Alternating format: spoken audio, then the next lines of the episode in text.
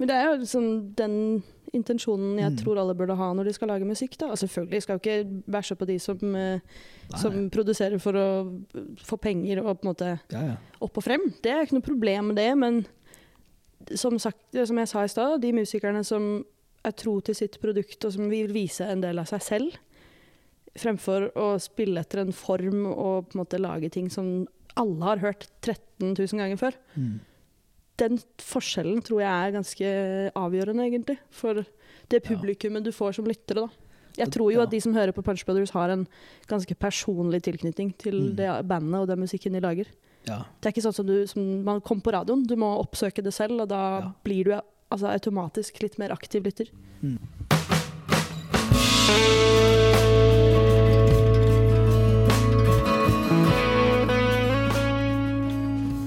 Hei og velkommen til Lær å lytte.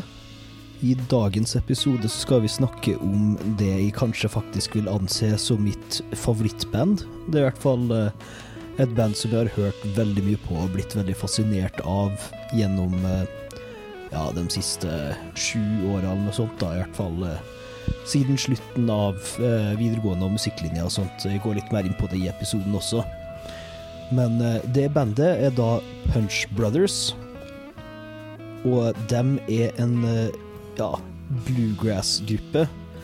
Mer i, eh, i en estetisk eh, sans heller enn et sjanger. mer, mer estetisk sett bluegrass enn sjangermessig, vil jeg si. Men jeg tenker det er greit å bare sette litt kontekst for hva bluegrass er, før jeg smeller i gang med samtalen, som for øvrig er veldig fin. Så bluegrass er da en akustisk eh, underkategori av country, kan man si. Så eh, det oppsto vel sånn i løpet av eh, mellomkrigstiden og begynte å blomstre litt i eh, etter andre verdenskrig da, i eh, USA. Det oppsto i Appalachia-området, som er et eh, område som er litt, litt fattigere. Eh, veldig ruralt, eh, mye jordbruk. Og veldig mange eh, skotsk og irske innvandrere da, i eh, USA, altså det her. Og derfor er musikken veldig mye prega av folkemusikken fra de landa, da. I tillegg til at det da har blanda seg med diverse former for religiøs religiøs svartmusikk i miljøet der også. Så det ligner jo litt på country, som vi også snakka om i countryepisoden at det er litt en sammensmelting av tradisjonelle europeiske musikkformer og eh, svarte kristne eh, musikkformer, da. Eh, det som gjør eh, bluegrass litt til en egen ting, er jo det akustiske preget, da. Det er alltid akustisk musikk. Det blir jo brukt elgitar her og der, men det er primært en akustisk sjanger. Eh, og det er veldig stort fokus på instrumentene, da. De fleste bluegrass-stjernene eh, er jo sangere, men de har som oftest også gode instrumentale ferdigheter. Og litt som i likhet med jazz, da, så er det veldig vanlig å spille en melodi, og så bytte de forskjellige instrumenter på å improvisere rundt den melodien og de akkordene, og så spille dem videre. I tillegg til at det da er vokale tradisjoner med sang også. Og det som preger sangstilen litt i bluegrass, er at det gjerne er, når det er menn som synger, da, en eh, lys falsett som bærer gjennom det meste. Og når kvinnene synger også, er det jo eh, ikke falsett som dominerer, men fortsatt et litt eh, lysere, mer pressa preg, da. Eh, det spilles også ofte raskt, veldig pressa, som til motsetning fra blues, da, eksempel, som ofte ligger litt bakpå og har litt mer avslappa følelse, så er bluegrass nesten konsekvent litt foran slaget, litt raskt. Litt energisk og eh, en generelt fascinerende eh, sjanger, da. Men da for å sette Punch Brothers inn i det her, så er jo det et mye mer moderne band. Men det består av fem musikere som alle har sin base innen bluegrass. Og eh, dermed sier de da at bandet er en bluegrass-gruppe estetisk, fordi at de fem medlemmene spiller de fem tradisjonelle bluegrass-instrumentene, så besetningen er kontrabass, gitar, banjo, fiolin og mandorin. I tillegg til at alle synger, da, men det er Chris Steely som spiller mandorin, som er hovedsangeren, da. Men det som gjør bandet unikt, er at i tillegg til at alle har en eh, base innen bluegrass, så har også alle ganske forskjellige sjangerbakgrunn ved siden av, da. Så for eksempel Gabe Witcher, som spiller fiolin, han har drevet en del med rockemusikk og produserer musikk for film og TV og litt sånne ting på siden av bandet her. Du har Chris Steely, som vi nevner, eh, har jo gått veldig mye inn i klassisk musikk, eksempel. Og eh, også har, han har også studert en del jazzimprovisasjon og litt sånne ting, da. Og så har du eh, Nome Pekelny, som spiller banjo. Han er kanskje den mer uh, reinspikka bluegrass-spilleren av gjengen, da. Men han er en uh, sann virtuos på uh, banjo. Altså, eh, hvis dere vil sjekke ut liksom potensialet til en banjo. Eh, hør på sangen 'Waveland' av Noam Pekenley. Den er, det er litt mind-blowing at det er en banjo som spiller, nesten. Eh, ved siden av det så har vi da Paul Cowart som spiller bass. Han er veldig klassisk eh, skolert og kan spille med bue, som vi snakker mye om eh, effekten av det seinere i podkasten. Og så har du eh, gitaristen Chris Eldridge, som eh, også har litt mer uh, jazzbakgrunn og litt sånn old time um, impro og forskjellige ting. Han har annet noen fine duoalbum med jazzgitaristen Julian Lars, som er verdt å høre, høre, på hvis du liker litt sånn ja, gitarsnadder, uh, mye impro og sånne ting, da. Og man trenger ikke vite så altfor mye biografisk info, men måten bandet her da på en måte er bluegrass og på en måte ikke er, er det at de da tar og setter sammen de her ulike bakgrunnene og lager musikk som kombinerer litt alt på en måte som er unik til dem, da. Og med de to albumene vi skal snakke om i den podkasten, som uh, for øvrig blir delt i to, da, så del én kommer til å snakke om det første av de to albumene, og del to kommer til å handle om den andre, så er det på en måte de to albumene vi skal snakke om, da, der de har funnet sitt sound, vil jeg si, da. Eh, det er litt mer eksperimentering, litt variasjon i den første albumet, mens enhetlig, da, så har eh, eh, de to albumene The Phosphorescent Blues og All The Shore en litt mer sånn egenarta, gjennomført stil, da. Så som vanlig vil jeg anbefale folk å høre på uh, musikken før vi begynner å snakke om den. Um, om man eventuelt vil ha bare én låt og liksom selge det inn, så uh, hvis du tar de to første låtene på The Phosphorescent Blues, om du er en litt mer uh, Hvis du er litt mer vant til å høre på avansert musikk og litt sånn uh, musikk der det skjer mye, da, så sjekk ut Familiarity. Det er den første låta på det albumet. Hvis du er litt mer vant til uh, enklere, enklere musikk, popmusikk, litt mer uh, lett fordøyelige ting, så er Julep, som er låt nummer to, en veldig fin plass å starte. Og den bryter vi ned i ganske stor detalj i løpet av podkasten, da. Så sjekk ut de sangene. Sjekk gjerne ut resten av albumet også, før du smeller i gang. Og selvfølgelig har jeg jo litt agenda med episoden her om at alle burde høre på Punch Brothers fordi det er favorittbandet mitt, men det, det viktigste er jo å lære å lytte til det, og få glede ut av noe som du sannsynligvis ikke har hørt så mye på før, om du ikke har falt inn i bluegrass-hullet som vi har gjort, da. Så da skal jeg straks slippe min gjest til, og må nesten bare introdusere henne litt kjapt. Hun heter Marie, og eh, vi snakker jo om hvordan vi har blitt kjent, men uh, hun er en de liker å prate om musikk med, fordi at hun hører veldig andre ting enn de gjør.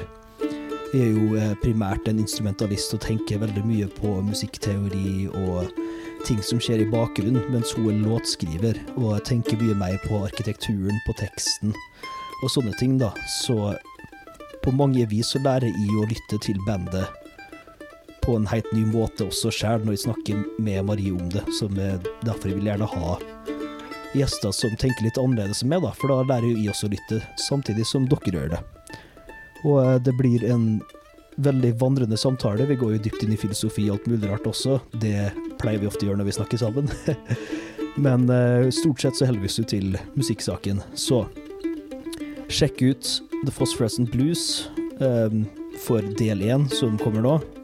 Og så kommer del to, der vi snakker om albumet Ale Shore neste uke. Da kan vi si at vi ses på andre siden. Vi lyttes.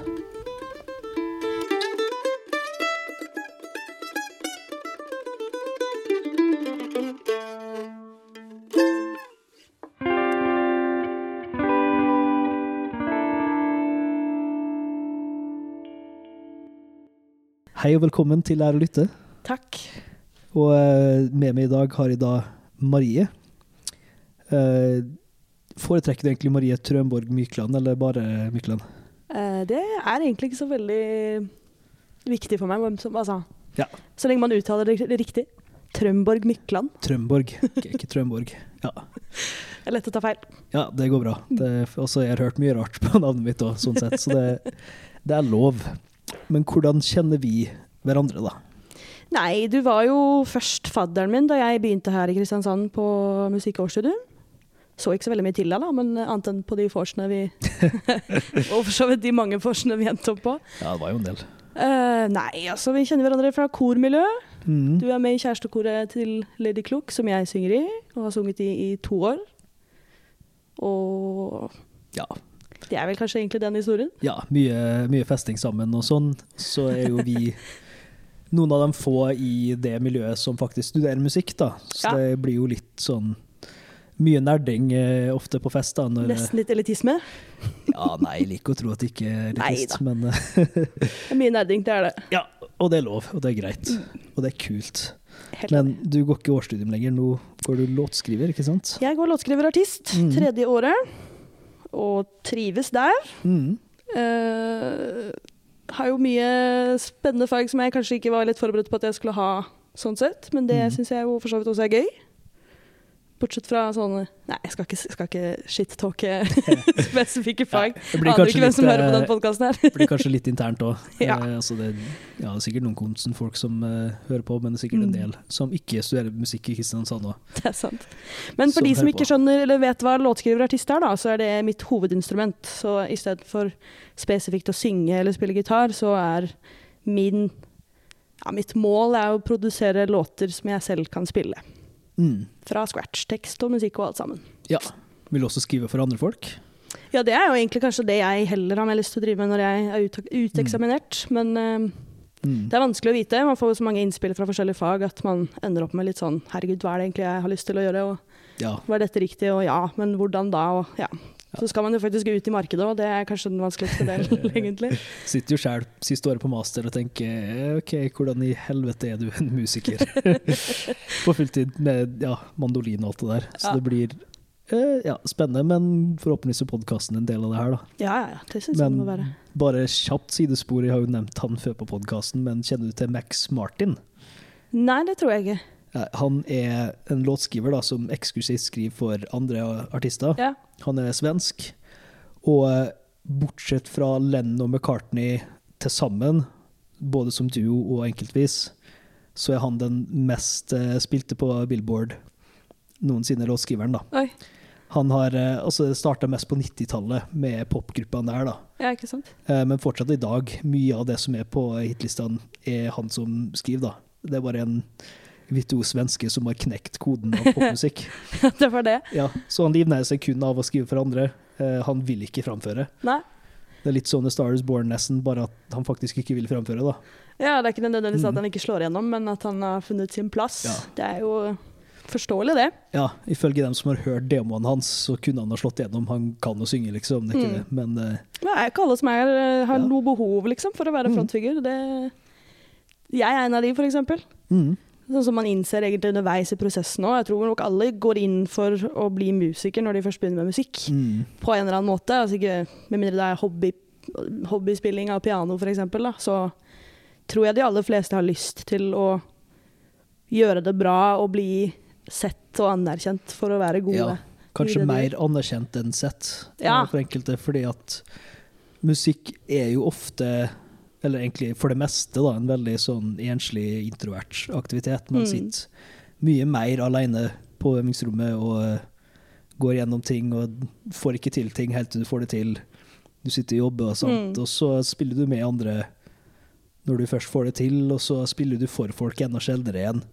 Så det er ganske mange introverte typer tror jeg, som også driver med musikk, som Ja, ikke nødvendigvis har det der eksponeringsbehovet, da. Nei. Jeg tror det er flere av dem enn man er klar over også, men jeg mener jo på en måte at man Om den anerkjennelsen kommer fra deg selv, da, Mm. eller av andre, på en måte, at du, du får en slags eh, følelse av oppnåelse, og at du har utvikla Mm. deg, og at det anerkjennes til en grad det trengs da, Mm. for at du gidder å fortsette. Ja. Hvis du bare spiller gitar på gutterommet, liksom, og så er det ingen som sier det var bra eller ikke, så vet du jo på en måte ikke egentlig selv om det er bra, Ja. eller om du bare føler at du sitter i en god boble, liksom. Mm. Vanskelig å, Vanskelig å vite. Mm. Og, men jeg tror det grunner litt i for de fleste da, at de liker å lytte på musikk, først og fremst. da. Den Mm. godfølelsen der. Som er jo litt av poenget med podkasten, egentlig. ikke sant? Ja. For i hvert fall du som låtskriver og har jo eh, Du har store ører, men eh, du har eh, ører som hører litt andre ting enn de gjør. Definitivt. Så det er derfor jeg vil jeg egentlig ha det med på å da bryte ned dagens tema, som lytterne sikkert har hørt om, for at det kommer til å ha en lang intro eh, om det her. Men det er da Ja, får vel kanskje egentlig bare si det sånn, mitt favorittband, da. Punch Brothers. Mm. Og det er jo, jeg gleder meg litt til å høre, høre det gjennom ditt øre. Hvordan eh, du tenker på Punch Brothers og så videre, da. Ja. Så eh, jeg har nok gått gjennom introen litt nøyaktig hva Punch Brothers er. Eh, hvordan du skal prøve å plassere dem i et sjangerlandskap og litt sånn. Mm. Så vi kan heller hoppe litt til Husker du hvordan du begynte å høre på bandet?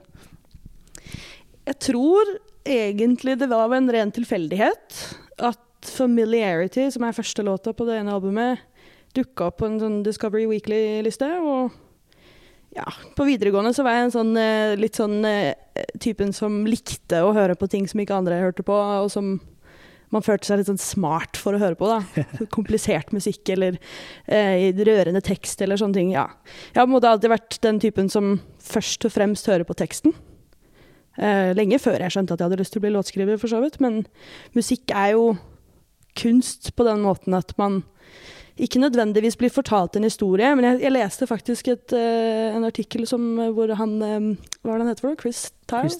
Tidlig, unnskyld. uh, hvor han sier det at låtskriving er ikke å fortelle noen en historie, men å la publikum lage historien selv. Mm.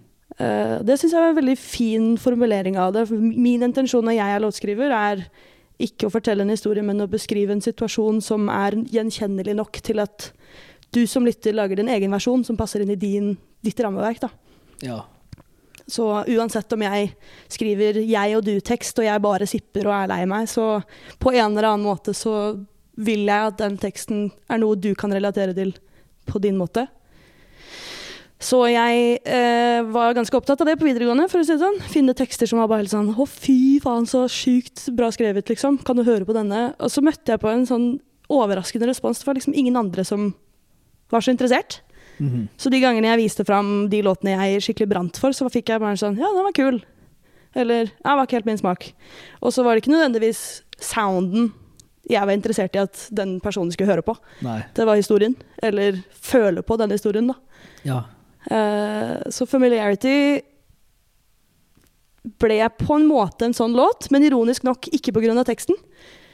Uh, jeg har hørt på den helt siden den kom ut i Når var det? Jeg tror det er 2015. Ja, ikke sant? Det er ganske lenge. Jeg har hørt på den massevis siden da, men først forrige uke, da du spurte om jeg hadde lyst til å være med på podkast, så satte jeg meg ned, og så skjønte jeg faktisk hva den handla om. Som jeg syns var ganske interessant, for jeg fikk et helt annet perspektiv på låta. Ja. Uh, og den har jeg blitt veldig glad i. Men uh, hvordan Siden du primært hører på tekst, da, Mm. hvorfor eh, hørte du fortsatt mye på låta, selv om du aldri gikk superdypt inn i den?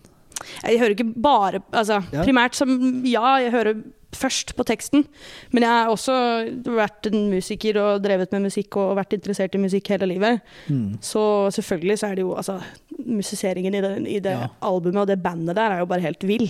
Ja, Jeg falt sånn smelta for den mandolinen første gang jeg hørte den. Og så hørte jeg den på repeat hele veien hjem. Jeg husker jeg gikk hjem i sånn 45 minutter. og veksla mellom den og Julep om Ja. hverandre hele veien hjem og ble bare sånn Ja, smelta litt. Mm. Nydelig musikk. De er utrolig gode på å skape sånt, en sånn varm og tenkende følelse. De går aldri den veien du tror at de skal. Mm. Om det er akkordmessig eller rytmisk eller hva enn det er. Ja, det var um, De bare traff meg skikkelig. Ja, det er mange av elementene som uh, treffer meg òg litt, da.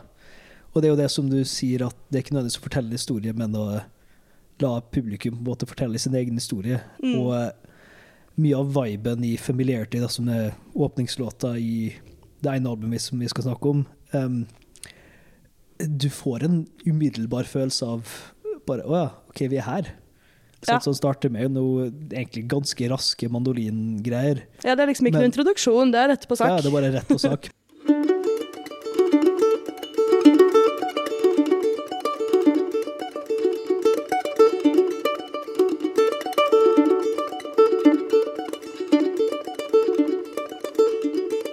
Men det føles ikke raskt, det føles veldig avslappa ut. Mm.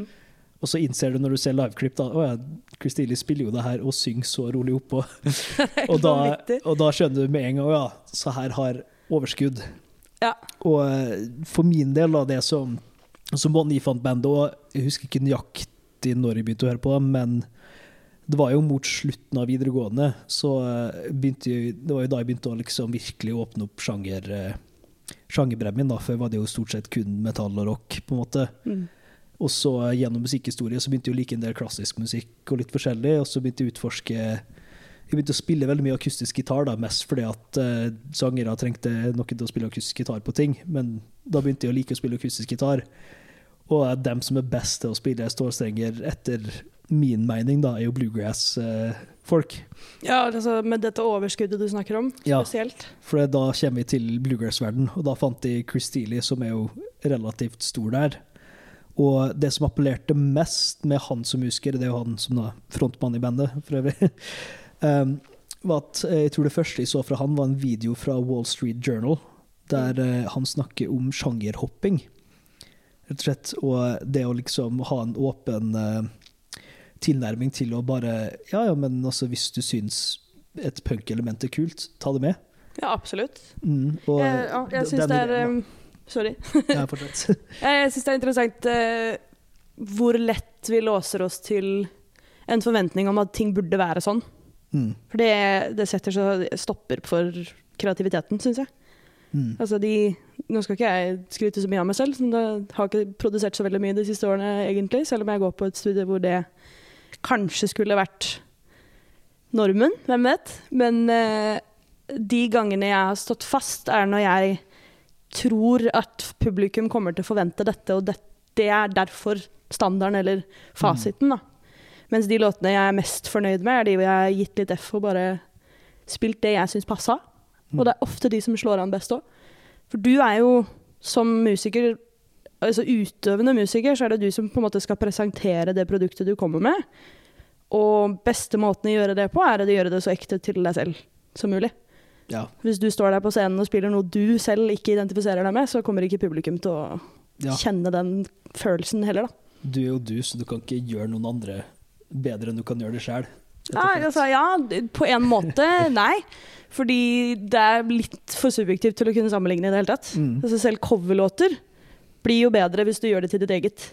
Ja. Og den, du kan godt mene at eh, Punch Brothers sin Let It Happen er bedre enn Tim Impala sin versjon, f.eks., Mm. men det, er, det går ikke an å sammenligne. For Tame Impala gjør sin versjon, ja. og den er bra på hans måte. Mm. Mens Punch Brothers gjør sin, og da blir den bra på deres måte. Ja. Og så står de som to selvstendige produkter, egentlig, Mm. som begge to bare er dritbra. ja. At, Eksempelvis. ja, det er det som virkelig eh, jeg syns er det kuleste med Punch Brothers. da. Det er ikke nødvendigvis alltid at de treffer en gang, men eh, det er det at de tør å eksperimentere. De Mm. tør å endre soundet sitt. De tør å gå ut ifra alt som er normer. Så når man snakker om bluegrass, da, så rent utseendemessig så ser de ut som en bluegrass-band fordi at det er kontrabass, banjo, fiolin, Sixpence mandolin og, og- gitar og sixpence, litt fint kledd. De står rundt en mikrofon. Ja. Men og hvis du hører på den første par albumene, da, eh, før The Phosphorescent Blues, så er det jo litt mer tradisjonelt i sound. Eh, første albumet har jo en helt klassisk suite midt inni her, da, selvfølgelig.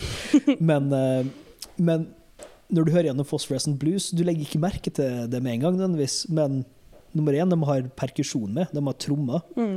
Det er en super nei-nei i uh, bluegrass, da. Og det er litt elgitar et par plasser. Ja. Litt sånn i bakgrunnen. Veldig smakfullt. Eh, lurer faktisk på om det er Gabe da, som spiller fiolin, som spiller elgitar der. Fordi at han har en litt rockebakgrunn, ja, ikke sant? faktisk. Um, men i hvert fall, da. Det er liksom nummer én, da. OK, nå har vi gjort tre relativt bluegrass et album. Nå skal vi gå litt mer i de litt mer spredde elementene våre, da. Mm. Så da starter de albumet med Familiarity, som er en 10-11-12 minutter lang Ja, i hvert fall ti. ja, i hvert fall ti minutter lang låt, som egentlig er tre forskjellige låter nesten satt sammen, men alle henger sammen likevel. Og så går du inn i Julep, da, som er jo den andre favorittlåta. og så går du videre inn i eh, Passepied, da, som er jo en eh, klassisk tolkning, kan ja, man vel si. ja, det er jo klassisk pianoverk egentlig av Debussy, som de har covra. Så går du videre inn i litt mer poppete ting. I Blue It Off for eksempel, er jo veldig poplåt, ikke sant? Og eh, de går litt gjennom alt der, men det høres ut som Punch Brothers. Ja, for det er jo det er den kvaliteten jeg føler som sitter Mm. igjen, da. At uansett hva slags sjangertrekk de har, om det er liksom jazz eller klassisk eller pop og rock, hva enn det skulle være, så Mm. er de jo autentiske til sin egen sound. Og det kan jo godt hende at det er fordi Chris Steele har så gjenkjedelig stemme og er så dyktig som han er, men ingen av de elementene de har lagt inn, Mm. har jeg opplevd at ikke passer. Ja. Det er litt også med å gjøre at bandmedlemmene er litt forskjellige i forhold til utgangspunkt. At, altså alle har jo en veldig sterk bluegrass-bakgrunn, det er sånn de fant hverandre. Det er sånn de begynte å spille sammen. Mm. Men du har Chris Steele, for eksempel, som har eh, Han har jo annet studert klassisk musikk en del, og klassisk komposisjon, som du hører mye av i første albumet til Punch Brothers. I tillegg til at han har brukt mye tid på å lære jazzimprovisasjon og litt forskjellig. Og nå, nå er jo hovedfokuset hans låtskriving, egentlig.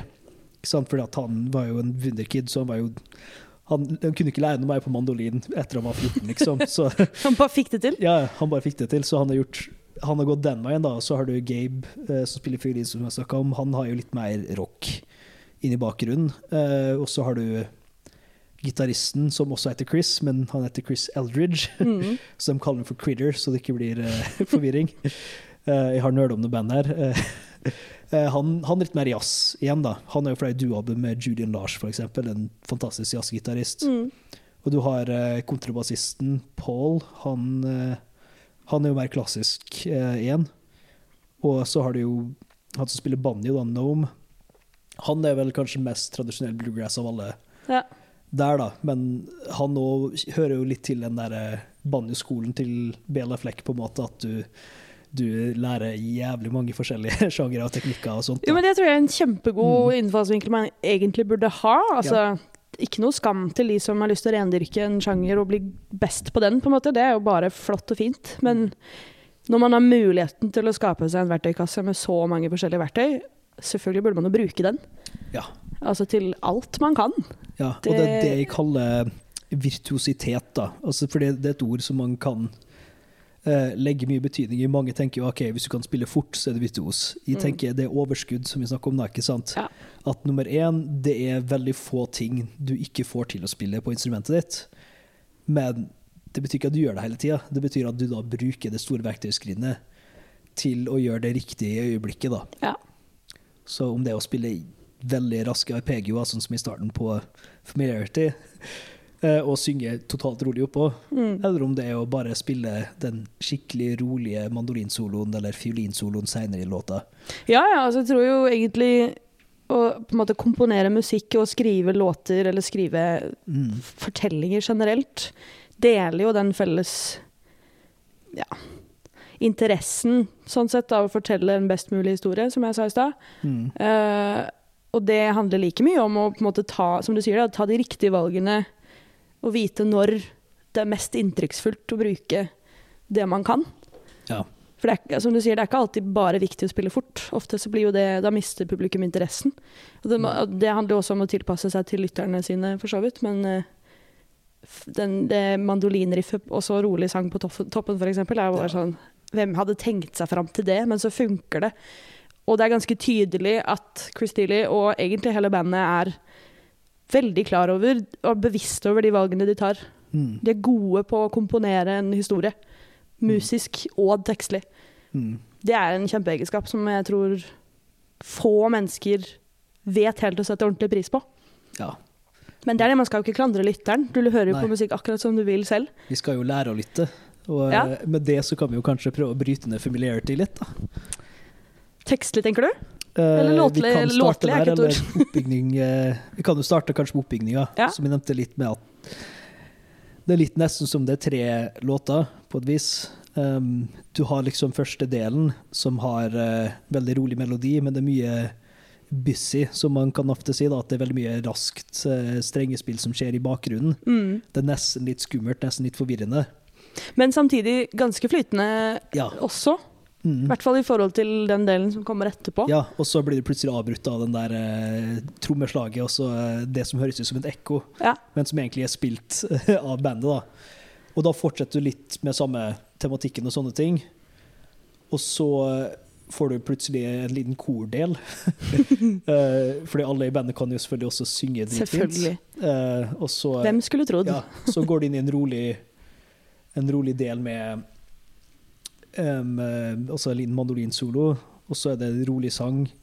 Litt samme melodi, men helt annet preg i bakgrunnen, Mm. som bygger videre. Og så uh, synger du jo hele den der amen-delen da, en god stund etter det. Ja, Så har du verdens fineste fiolinsolo, som ble improvisert, men de måtte da selvfølgelig. selvfølgelig eh, lære den not for note, for at den var så bra. Eh, så det er jo det han spiller live, da. Så sånn lykke i uhell-tilfelle. Ja, så eh, for å oppsummere en superkort, så er det jo på en måte Det er tre ganske forskjellige vibes litt utover da, låta. Men mye av melodiene og sånn er jo like, men alt det som skjer rundt, endrer seg, og Mm. uttrykket seg endrer seg veldig. Og det ene og andre er at spesielt i første halvdel av låta så blir eh, det kunstige, kan man si, da, fordi at eh, det starter veldig organisk, sammen med kun mandolin og sang, ikke så mye klang. Men så begynner klangen å øke, trommesettlyden begynner å øke. Og på et tidspunkt så blir jo selve den pålagte klangen da, blir høyere og høyere i volum mens bandet forsvinner. Mm. Og så plutselig er vi inne i et sånn her organisk eh, Veldig stille, veldig nært. Det er litt interessant. interessant. Jeg syns liksom egentlig den låta nesten i større grad er komponert som et, altså et klassisk stykke enn en Veldig. låt. da. Det er jo på ingen måte samme form som vi er vant til i popmusikken, med vers og så refreng og så vers og så en refreng og en bridge og ja. Den klassiske formen, den, eh, den er de gode på å unnlate, syns jeg, Ja. men likevel gjør det spennende, da. Ja. Jeg leste en artikkel eh, tidligere om en, en som hadde anmeldt uh, The Phosphorus and Blues-albumet. Som Uh, ja, Det er mye fint og interessant å si, men avsluttet med at Punch Brothers nok er musikk kun for de musisk intellektuelle. uh, og jeg, jeg sier meg på en måte litt enig og litt uenig. Ja. Jeg tror nok ikke nødvendigvis du trenger å være musisk intellektuell, men du må være interesse, interessert lytter. Du må gidde å på en måte sette deg ned og høre etter de ulike elementene og lære å sette pris på dem både alene og i måte det store perspektivet, da, Mm. for å få en ordentlig god forståelse for hva, hva den låta her egentlig er, eller hva, hva er det albumet her? Hva mener de med dette, liksom?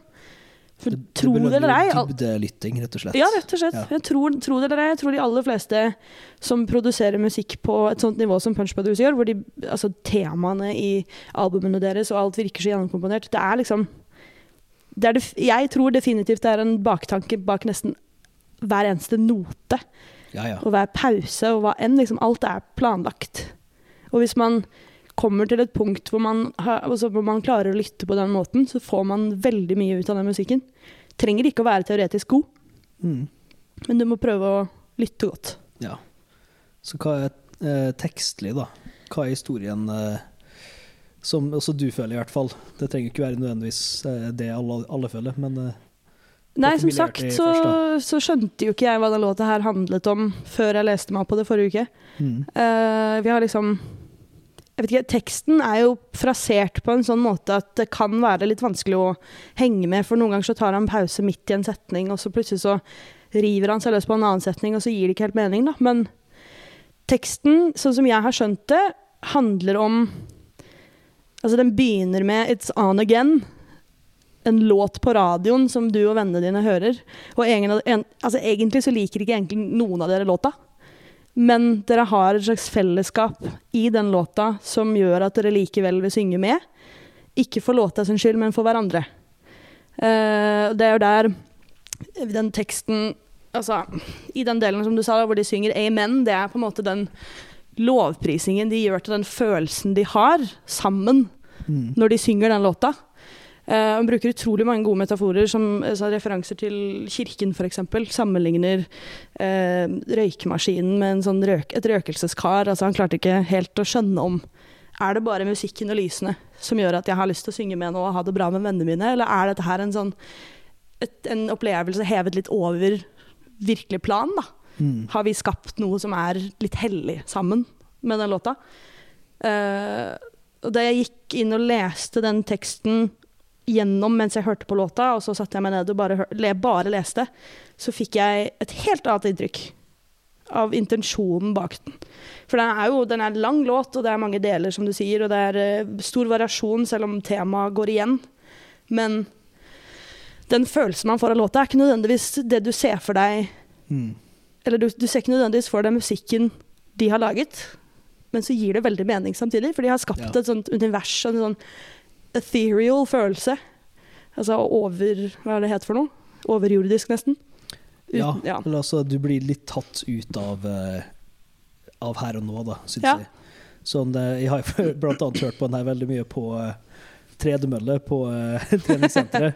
og det er sånn, hvis du bare lukker øynene og setter på den sangen her, Mm. og så bare begynner du å tråkke i vei så du, du får ikke lyst til å åpne øynene og sjekke ok, hvor lenge har jeg sykla nå. Du, du tenker ikke over at du er sliten, du bare opplever den sangen der i ti minutter. Ja, ja. Og, så, og så plutselig har det gått ti minutter, og du er klar for resten av økta. ja? Men det er også en morsom parallell, for jeg, jeg mener at jeg hørte en plass i et intervju da, at kjernen til ideen i den sangen er jo rett og slett at Chris Seeley var på et treningssenter, eh, men uten headset. Ja. Eh, men det var en radio på, da, og da er det sånn Nå i dagens samfunn så sitter jo de fleste med nesa i mobilen eller med ørepropper ikke sant, som stenger det- litt av, men Mm. så er det en eller annen popsang som kommer på, og han liksom får litt lyst til å begynne å synge med, og så får han øyekontakt med noen andre som også liksom holder på å sånn, synge litt med for seg sjøl. Og det der fellesskapet dem to fikk da, i et hav av folk Ja. som egentlig bare sitter og lever i sin egen verden. Da. At det er litt å forenes eh, i en uforent verden, kan man si. Ja. Og det er litt gjennomgående tematikk i hele The Phosphorescent Blues. da. ja, det har ser du det i coveret òg, at det er to mennesker som kliner, men de har teppa foran trynet. Mm. Så du ser det ikke. Det er jo av René Magritte, for øvrig. En veldig kjent maler. Uh, du har jo også det i uh, My Oh My, for eksempel. Uh, litt seinere i albumet. Eh, Can We Keep The Hole Spinning Under Our Thumbs? Ikke sant? At liksom, hele verden er i smarttelefonen din, men Ja, ja, ja. ikke folka rundt det. da. Så eh, ja, det er noe med å samles og høre på en låt, da. Og jeg syns den oppleves best ved bare OK, sett ned. Ikke tenk at du skal gjøre noe neste ti-ish minutter, og bare hør på den. Jeg ville definitivt anbefalt alle å gjøre det, egentlig. Ja. Men han sier jo for eksempel da, i eh, det Jeg tror det er første verset, så snakker han om det derre Altså, you, pretend you love it because you love them. Og så snakker han om at vi eksploderer ut av telefonene sammen. Amen. Endelig treffes vi og ser hverandre, og vi bare Ja, vi sitter i den følelsen sammen. Og du hater låta også, Mm. men det er vår måte å knytte bånd og vise hverandre at vi er glad i hverandre. Eh, han sammenligner jo liksom låta med Er det 'Call to Prayer', eller er det bare at vi er fulle og har lyst til å danse og ha det bra? Altså, enn. Den er jo litt åpen for tolkning, egentlig. Men jeg tror alle har en sånn En eller annen ting med en venn de har, som de egentlig tenker Jeg kunne klart meg fint uten, men vennen min blir så glad. Og så går det sikkert akkurat det samme stikk motsatt vei, at vennen din også tenker det samme, Ja. men sammen. Så, som gjør at du kan fortelle din egen historie, selv om han nødvendigvis har hatt en baktanke da, bak teksten. Ja, Det er en skikkelig fin låt. den er det. Og så blir den etterfulgt, eh, hvis du hører på albumet i sekvens, da, av nok en vakker låt. Ja. Um, som er da Julep. Og eh, det, det det er en Punch Brothers-greie veldig ofte. At låta starter med ett instrument. Ja. Eh, du, du legger liksom- merke, veldig merke til det der, da. At du har liksom eh, den raske mandoline-greia. Og så neste låt så er det en enslig kontrabass som starter med det Altså ja, Jeg kan kanskje spille det som et eksempel.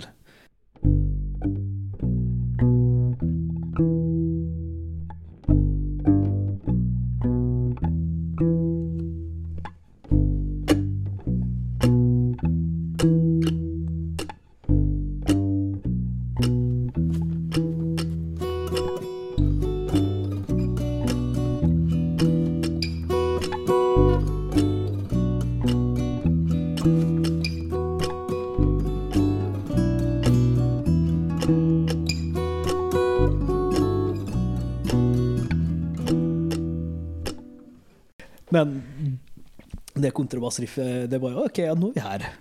Mye varmere følelse i lydbildet, litt mer sånn intim stemning enn i hvert fall slutten av Familiarity, da. Den blir litt sånn vel eh, stor, veldig kirkelig, da. Mm. Eh, så har du plutselig en mye Som for så vidt passer bra til Ja, temaet. ja. Det er jo poenget. Det er jo ikke en dårlig, dårlig ting. Det, det er jo en tanke bak, Ja, tross alt. Men så er det jo Julep, da, som eh, også jeg kan, jeg kan sikkert synge med hele den med teksten, og jeg har ikke peiling på hva den handler om. Noe veldig, men uh, den bare er så koselig. Men også første linje er jo 'I died happy in my sleep'. Som egentlig ikke er en koselig linje, da. Men eh, ja, det er noe med viben din. Det er noe med det.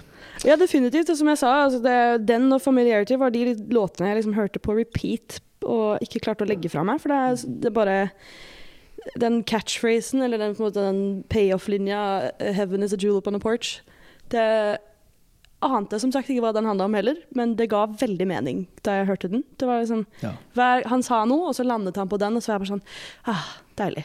Og så Ja. kom det litt mer, og så landet han på den. Fint, det. Fortsatte bra. Mm. Men den handler jo i utgangspunktet om Han skrev den vel, tror jeg, som eh, Altså som en ode til kona si. Mm. Uh, han snakker om altså, I died happy in my sleep, om, omringet av barna sine. Uh, og du er der oppe og titter ned på meg Mm. fra Heaven is jewel upon the porch. Ja.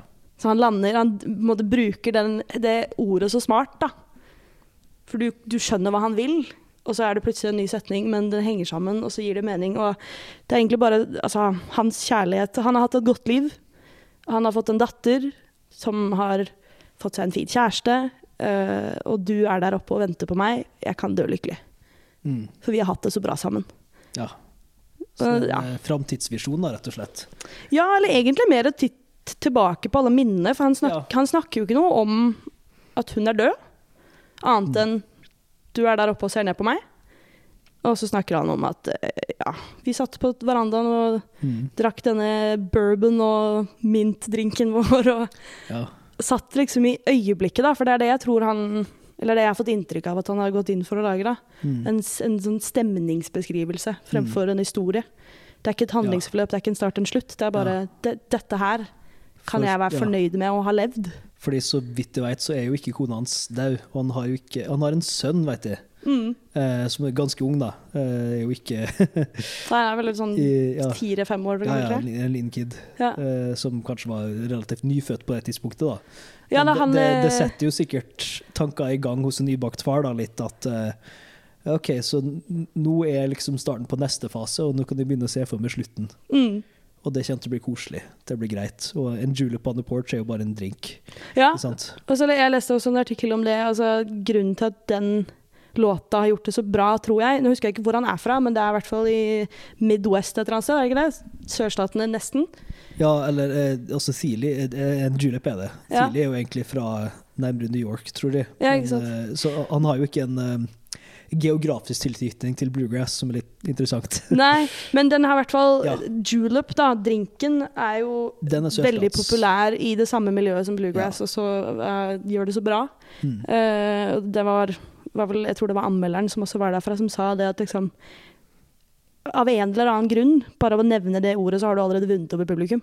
Ja. I, den, altså i det miljøet, da. Fordi det er, så, det er så relatable, det er så riktig, og alle kan kjenne til den varme sommerkvelden hvor sikadaene dirrer, og du Mm. tar deg den, altså den kjente, gode drinken da, som Ja. alle i det miljøet liksom vet om. Føler litt som å nevne karsk i en trønder rocklåt. det, det har en veldig annen konnotasjon, føler jeg, kanskje. Jo, men samme funksjonen, da. Ja, som funksjonen. Det er en tillitsbygging, da.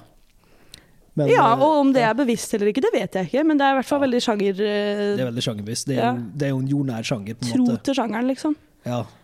Og så eh, så porch, den porch swing og den drinken og på en måte Mm.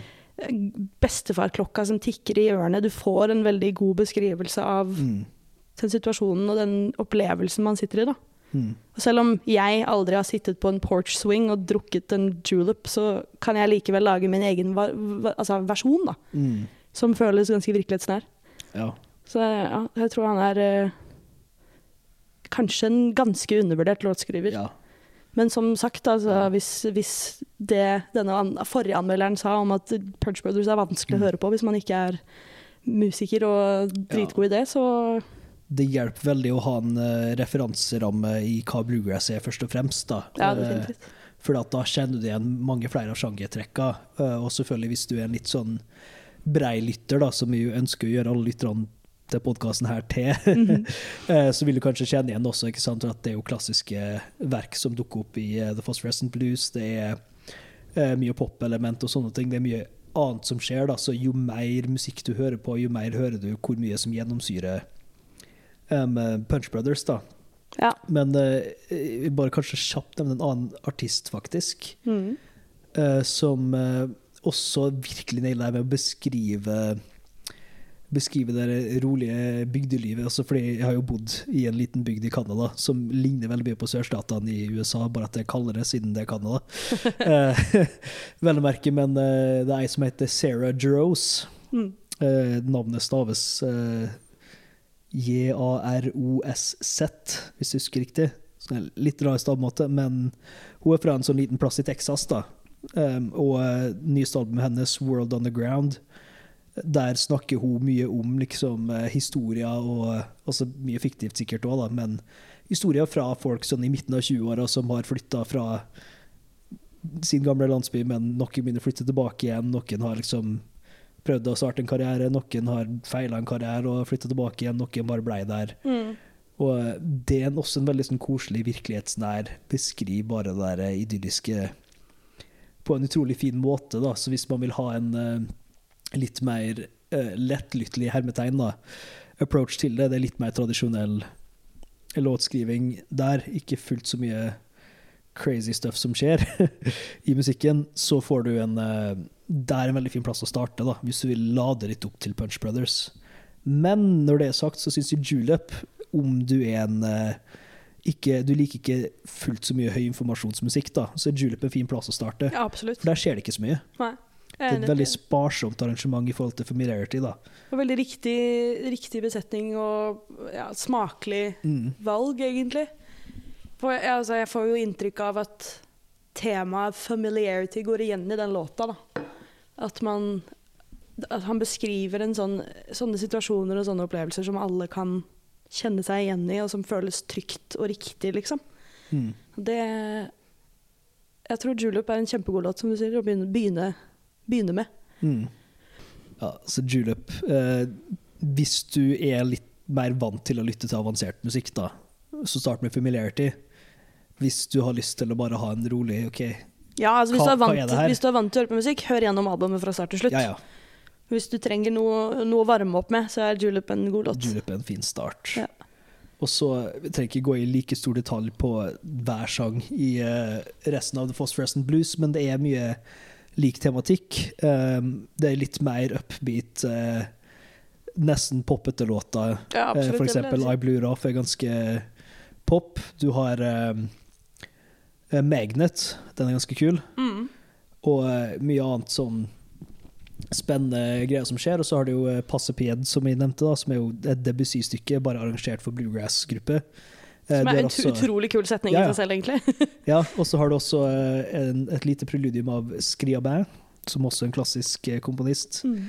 Eh, veldig interessant type. Han hadde noe insane dommedagsprofetier som han komponerte inn i musikken, og sånn, men det er, en, det er, en, historie for en helt annen tid. Eh, men ja, det er en liten 30 sekunders snutt med det òg inni albumet. Og så har du litt sånn forskjellige poplåter, og så vil jeg bare nevne slutten på The Phosphorescent Blues-albumet, for jeg syns den er veldig fin. da. Du har eh, Between First and A, um, Forgotten og uh, Little Lights. Mm. Alle dem tre er litt mer rolig igjen. Litt mer uh, rare instrumentelle arrangement fra tid til annen. Uh, men spesielt på uh, Little Lights da, så har du jo en litt mer kjent ting i bluegrass, nemlig en høy falsett, høy mannlig falsettvokal. da. Men uh, Christine drar den selvfølgelig til 1000 og gjør den mye lengre, litt mindre pressa. Og sånn, og så I tillegg så har de fått fans faktisk da, til å spille inn at de synger refrenget. Det er det, det svære koret du hører i slutten. Da. Ja. Det er altså hundrevis av fans da, som bare har spilt inn og sendt inn, så har de lagt det på albumet. da. Ja, for det, ja, jeg har hørt at, uh, at mange av de låtene som er på det albumet, egentlig var noe de hadde spilt lenge live, men Mm. som på en måte ble med nesten av fansene sine, sin Mm. forespørsel. Ja. Vet du om det er sant? Det kan godt hende.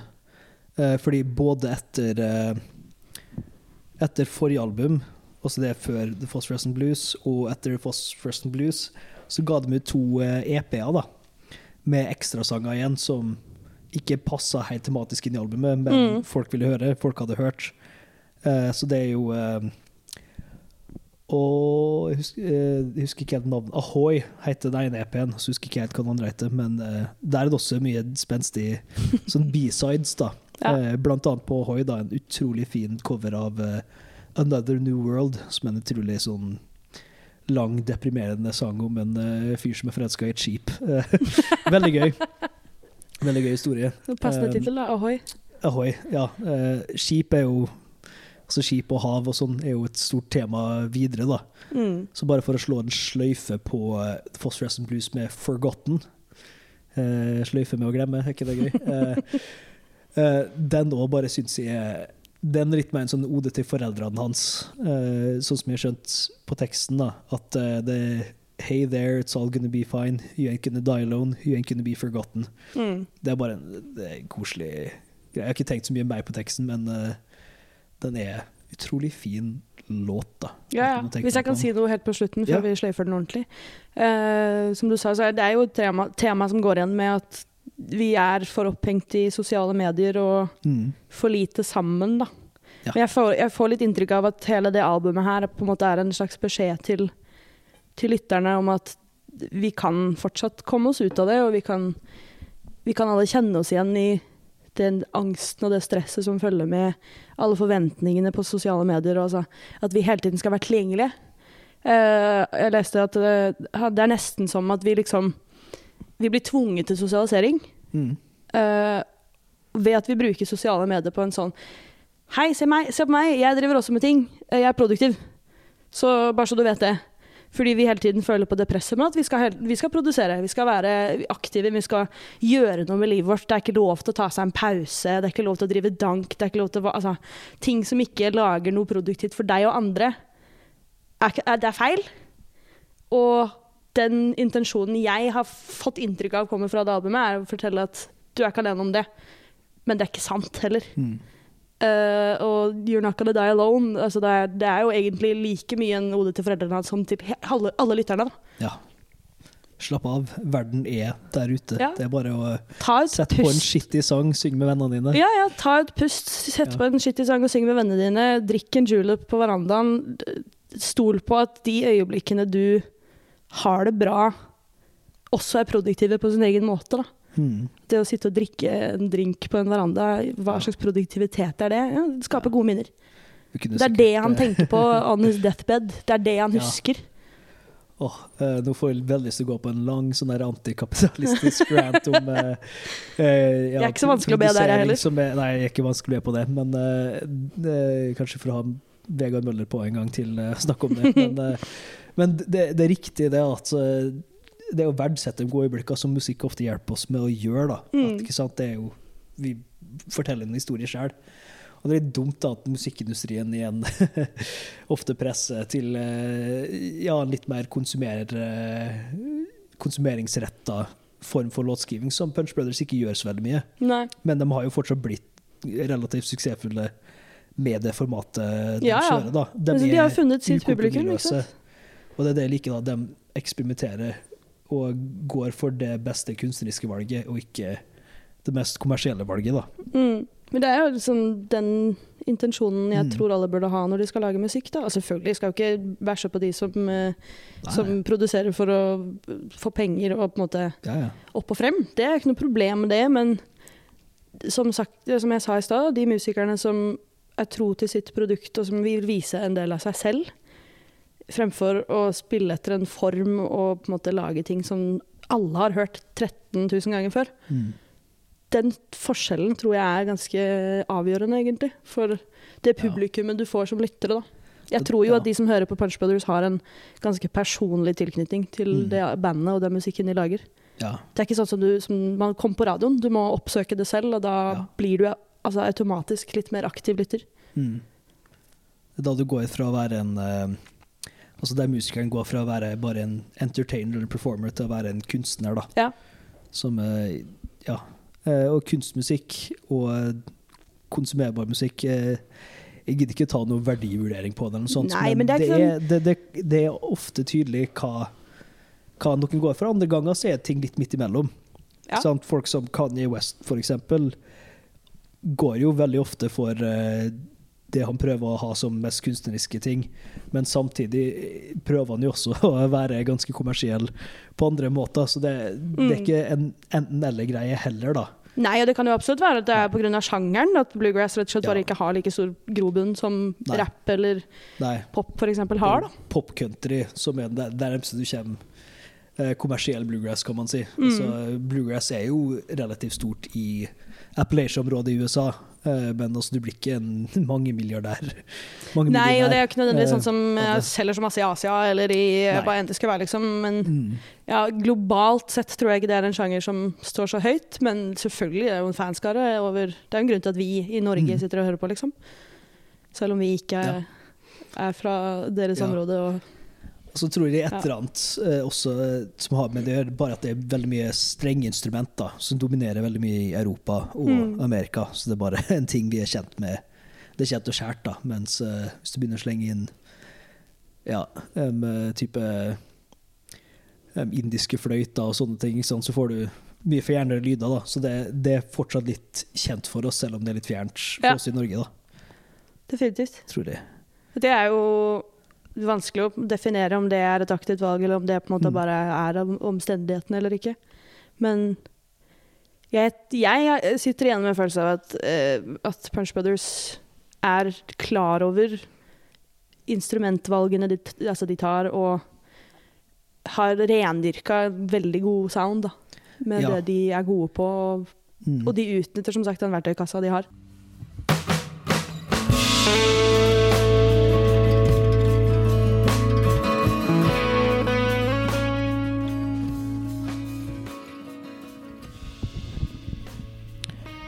Det konkluderer del én av episode tolv om Punch Brothers.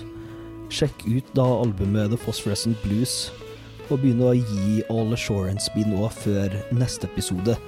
Det blir jo en litt uh, brå avslutning, for det var ikke planlagt at det skulle bli en uh, todeler, men det ble en lang samtale, så jeg tenker at det er greit å bare fordøye ting i uh, en god størrelse, da. Så jeg skal ikke si noe mer enn det. Hør på musikken, så ses vi neste uke.